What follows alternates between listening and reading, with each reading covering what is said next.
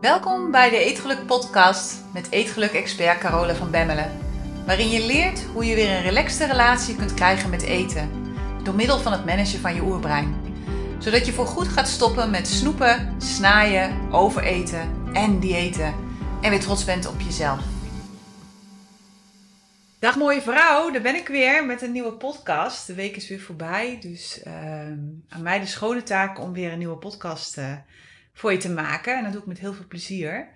En deze podcast gaat over iets, over een onderwerp ja, waar best wel heel veel nieuwe inzichten uh, over gekomen zijn de laatste jaren. En het onderwerp is wilskracht.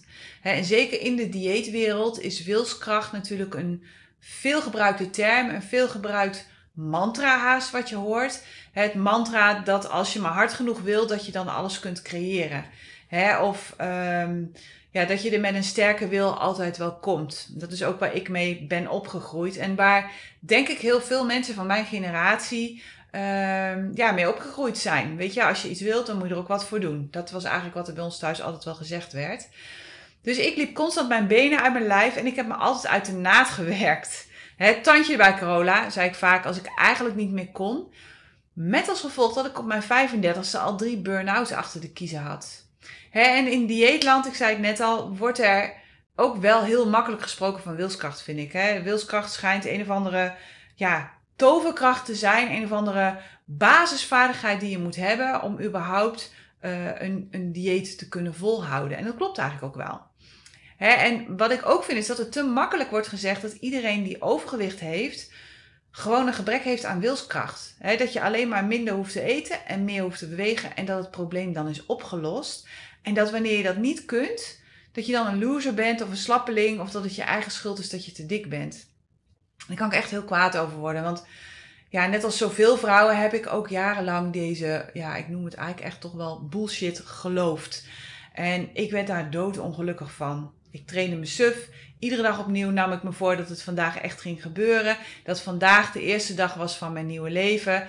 Want ik dacht namelijk serieus dat er iets mis met me was. En dat ik harder aan mezelf moest werken om dat op te lossen. want waarom lukt het anderen wel om af te vallen? Waarom lukt het anderen wel om gezond te blijven eten? Waarom lukte het anderen wel om een strak lichaam te trainen? En waarom lukte het mij niet? dus uiteindelijk, om dan de pijn maar een beetje te verzachten, maakte ik mezelf wijs dat het aan mij niet was besteed. Dat ik zwaardere botten had, dat mijn lichaam niet was gebouwd om te sporten.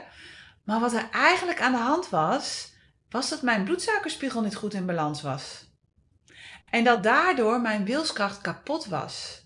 Dus er was helemaal niks mis met mij. Er was alleen chemisch iets niet goed in balans, waardoor bepaalde normale lichamelijke reacties anders liepen. En ik ontdekte dat eigenlijk bij toeval toen ik stopte met het eten van suiker en snelle koolhydraten. Want ineens lukte het me toen wel om dingen vol te houden en ineens kon ik toen wel de dingen afmaken en ineens voelde ik me gewoon heel veel sterker. En dat zie ik ook terugkomen bij de vrouwen die deelnemen aan de Eetgeluk Universiteit. We hebben daar ook een suikerdetox uh, die ze kunnen doen. Dat hoeft niet, maar ik raad het wel aan. En wat ze eigenlijk allemaal los van elkaar zeggen, is dat ze zich veel sterker voelen. En dat het veel makkelijker is om uh, nee te zeggen tegen eten, maar ook dat ze lang niet meer zo gefocust zijn op eten. Hè? Want vaak is die eeuwige focus op eten de bron van heel veel strijd en heel veel ellende. Nou goed, tot voor kort was er eigenlijk nog niet zoveel bekend over wilskracht. Het is eigenlijk pas de laatste jaren steeds bekender geworden hoe dat werkt. En onderzoek van de wetenschappers Roy Baumeister en John Tierney geeft eigenlijk steeds duidelijker aan hoe wilskracht werkt. Ze hebben daar ook een prachtig boek over geschreven. Dat boek heet ook Wilskracht. Dus als je daarop googelt, dan krijg je het waarschijnlijk zo te pakken.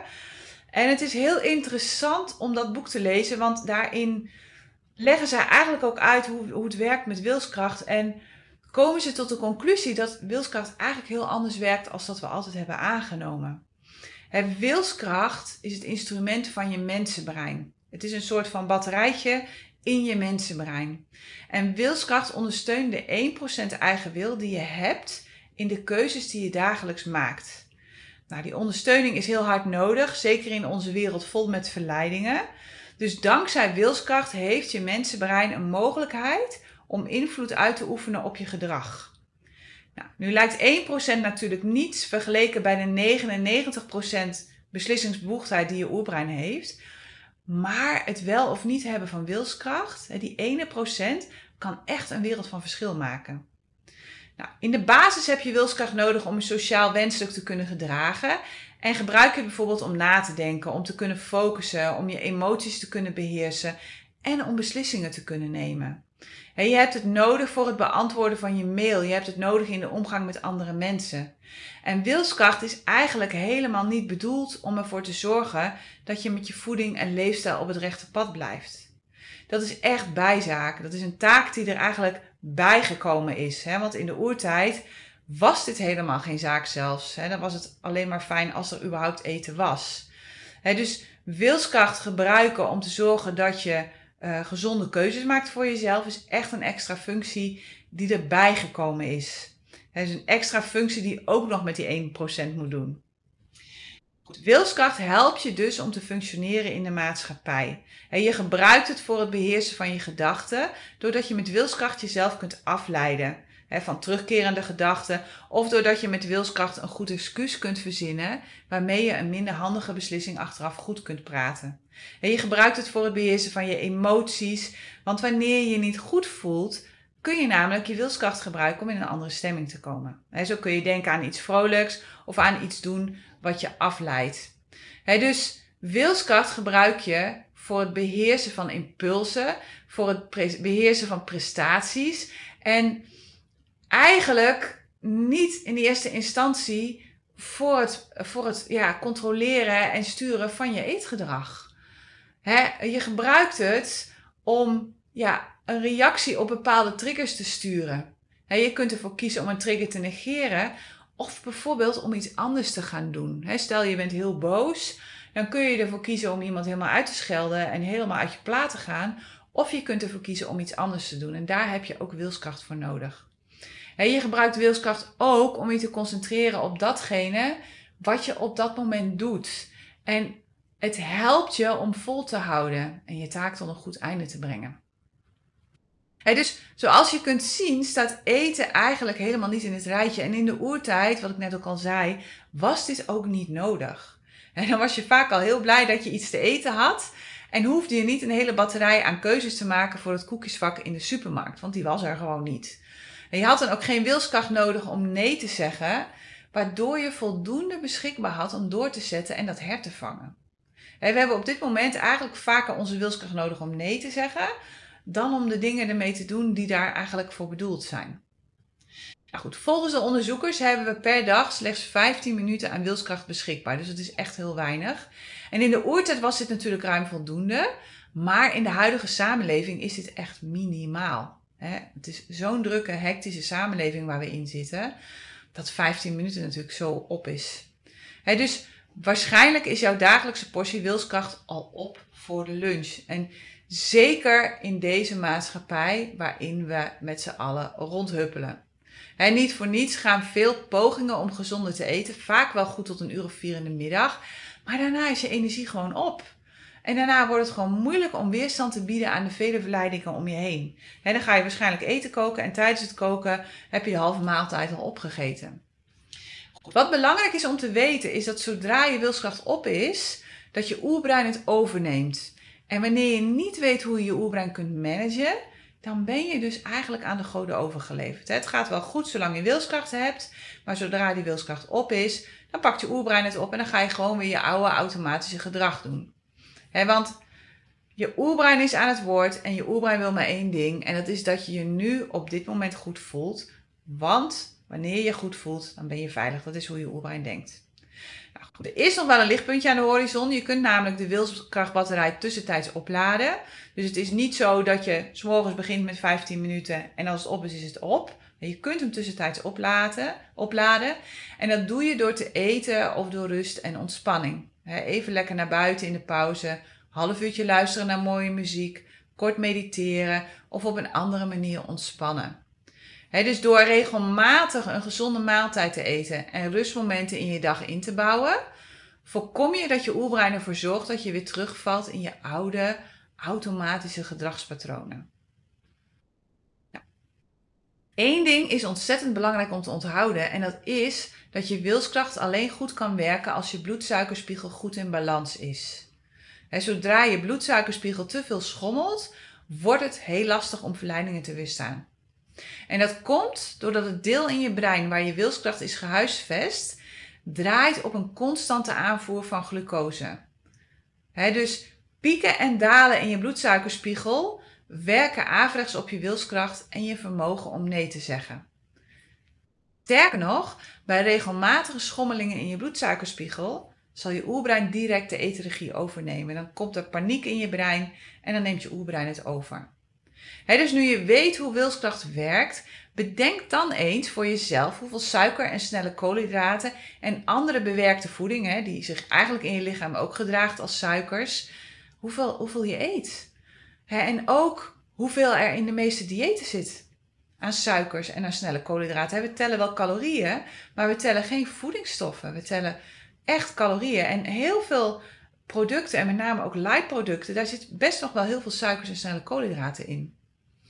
Dus daarom is het zo logisch dat zo ontzettend veel mensen hun gezonde leefstijl vaak nog niet eens één dag volhouden. Omdat ze gewoon een probleem hebben met hun bloedsuikerspiegel. En een traditioneel dieet lost dat niet op. Maakt het eigenlijk alleen maar erger, omdat je dan de hele dag door moet blijven eten. Dus de hele dag door heb je een hoge bloedsuikerspiegel. Als je bloedsuikerspiegel niet goed in balans is, dan neemt dus je oerbrein iedere dag opnieuw de eetregie over.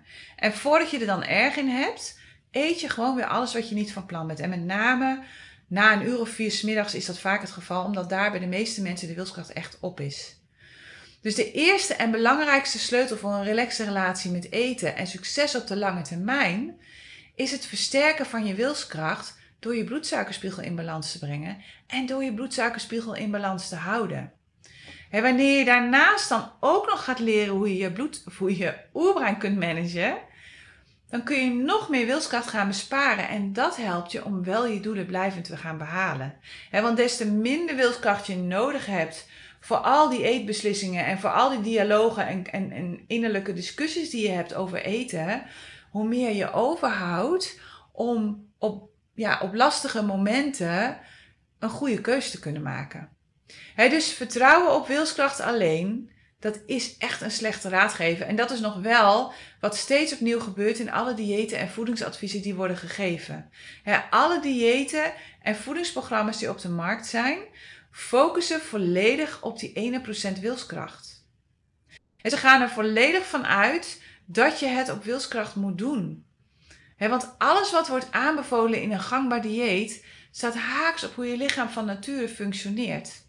Het staat haaks op hoe je lichaam instinctief omgaat met eten en energie. En daarom kost een dieetje enorm veel wilskracht je oerbrein wil geen voeding die arm is aan calorieën. Je oerbrein wil geen nee hoeven zeggen tegen alle verleidingen om je heen. Het wil niet ongezellig moeten doen op feestjes en het wil niet meer bewegen dan dat nodig is. Je oerbrein is per definitie lui en gefocust op plezier. dus het is echt geen wonder dat zo weinig mensen dit volhouden, al helemaal niet op de lange termijn, maar ook niet op de korte termijn.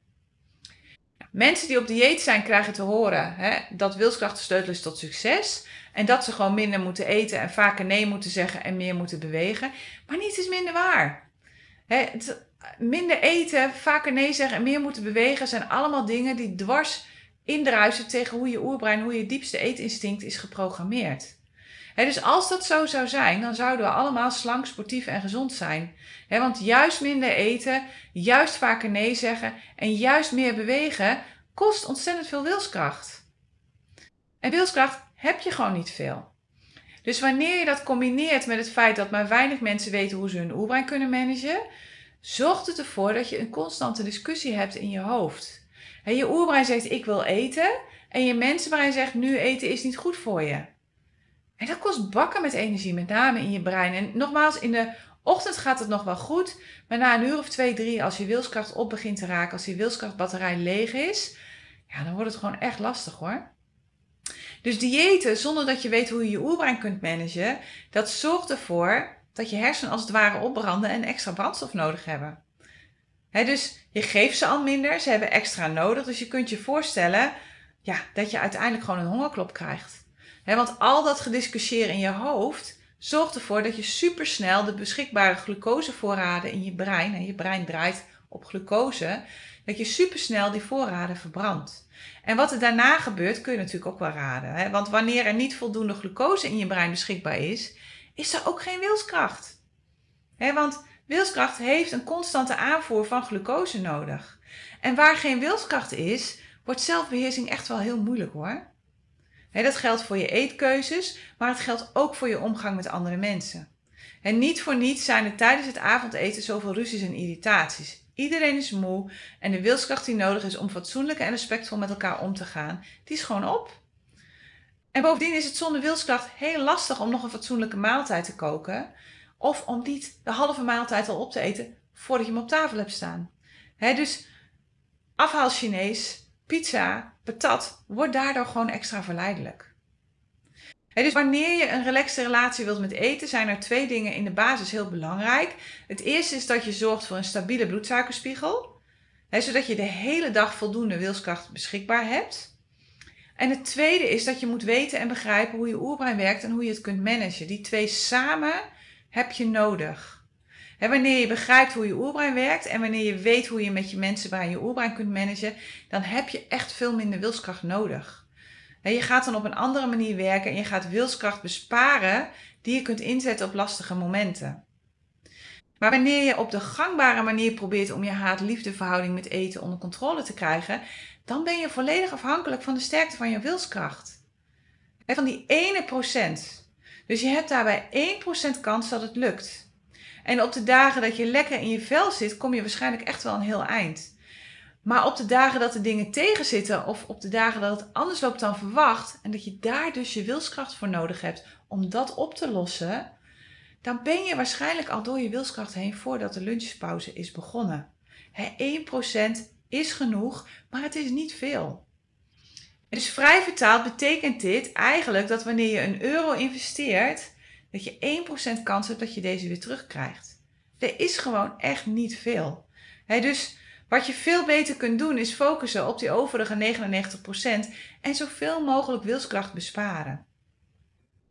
Goed, hoe kun je nu het meeste halen uit je wilskracht? Nou, Allereerst is het belangrijk om te zorgen voor een stabiele bloedsuikerspiegel. En dat doe je in de vorm van dagelijks drie voedzame maaltijden. Hè. Schrap de koolhydraten, of tenminste snap de suikers en de snelle koolhydraten. Maar plan gewoon drie voedzame maaltijden. Plan belangrijke besprekingen of werk waarin je veel moet nadenken in de ochtend. Als je nog voldoende wilskracht beschikbaar hebt. En plan je maaltijden voor de dag een avond van tevoren of in de ochtend. Hè. Op die manier hoef je er niet meer over na te denken in het moment. En dat bespaart je niet alleen wilskracht, je voorkomt daarmee ook dat je beslissingen moet nemen als je wilskracht op is.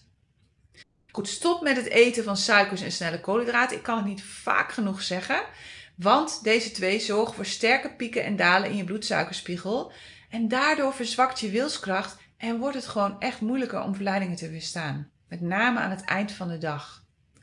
Nou, voeding die je wilskracht ondersteunt, daarbij kun je denken aan groenten, aan fruit, aan knollen, aan pitten, aan noten, zaden, eiwitten, gezonde vetten. Eigenlijk gewoon de normale basisvoeding zoals je oma hem ook had. dus focus daarop dat je zoveel mogelijk van dat soort voeding binnenkrijgt. En natuurlijk kun je af en toe best een patatje doen en natuurlijk kun je af en toe best een keer een stuk chocola eten. Maar zorg dat je basis gewoon echt goed is. Natuurlijk, heel belangrijk. Ga naar bed als je moe bent. Ga niet nog eventjes die laatste aflevering op Netflix zitten kijken. Of nog wat dingen afmaken eh, die morgen ook prima afgemaakt kunnen worden. Als je moe bent, ga naar bed. En rond de dingen af waar je mee bezig bent. pas wanneer dingen zijn afgerond, zal je brein ze loslaten. Maar wanneer je rond blijft lopen met een enorme to-do-list in je hoofd, dan kost dit gewoon enorm veel wilskracht. En dat komt omdat je brein iedere dag opnieuw een beslissing moet nemen over al deze dingen. want je oerbrein blijft waakzaam totdat het doel is bereikt. Dus wanneer je nu een beslissing neemt, wanneer je nu een plan maakt en wanneer je het nu gaat doen, dan maak je ruimte vrij in je brein en dat scheelt je gewoon wilskracht. Goed, misschien wel het allerbelangrijkste in het hele verhaal is dat je leert hoe je je oerbrein kunt managen. Want je oerbrein is die andere 99%. Hè? Al die dingen die ik hier net daarvoor zei, dat heeft invloed op die ene procent. Maar als je weet hoe je die 99% kunt managen, dan kun je natuurlijk de grote klap maken. want wanneer je weet hoe je je oerbrein kunt managen, heb je veel minder wilskracht nodig om te kunnen functioneren. Nou, daardoor word je mentaal weer veel sterker en daardoor zul je jezelf veel minder gaan saboteren. Nou, vervolgens ga je je daardoor weer beter voelen over jezelf en daardoor creëer je eigenlijk een positieve, een opwaartse spiraal. En dat helpt je uiteindelijk om je doelen blijvend te bereiken.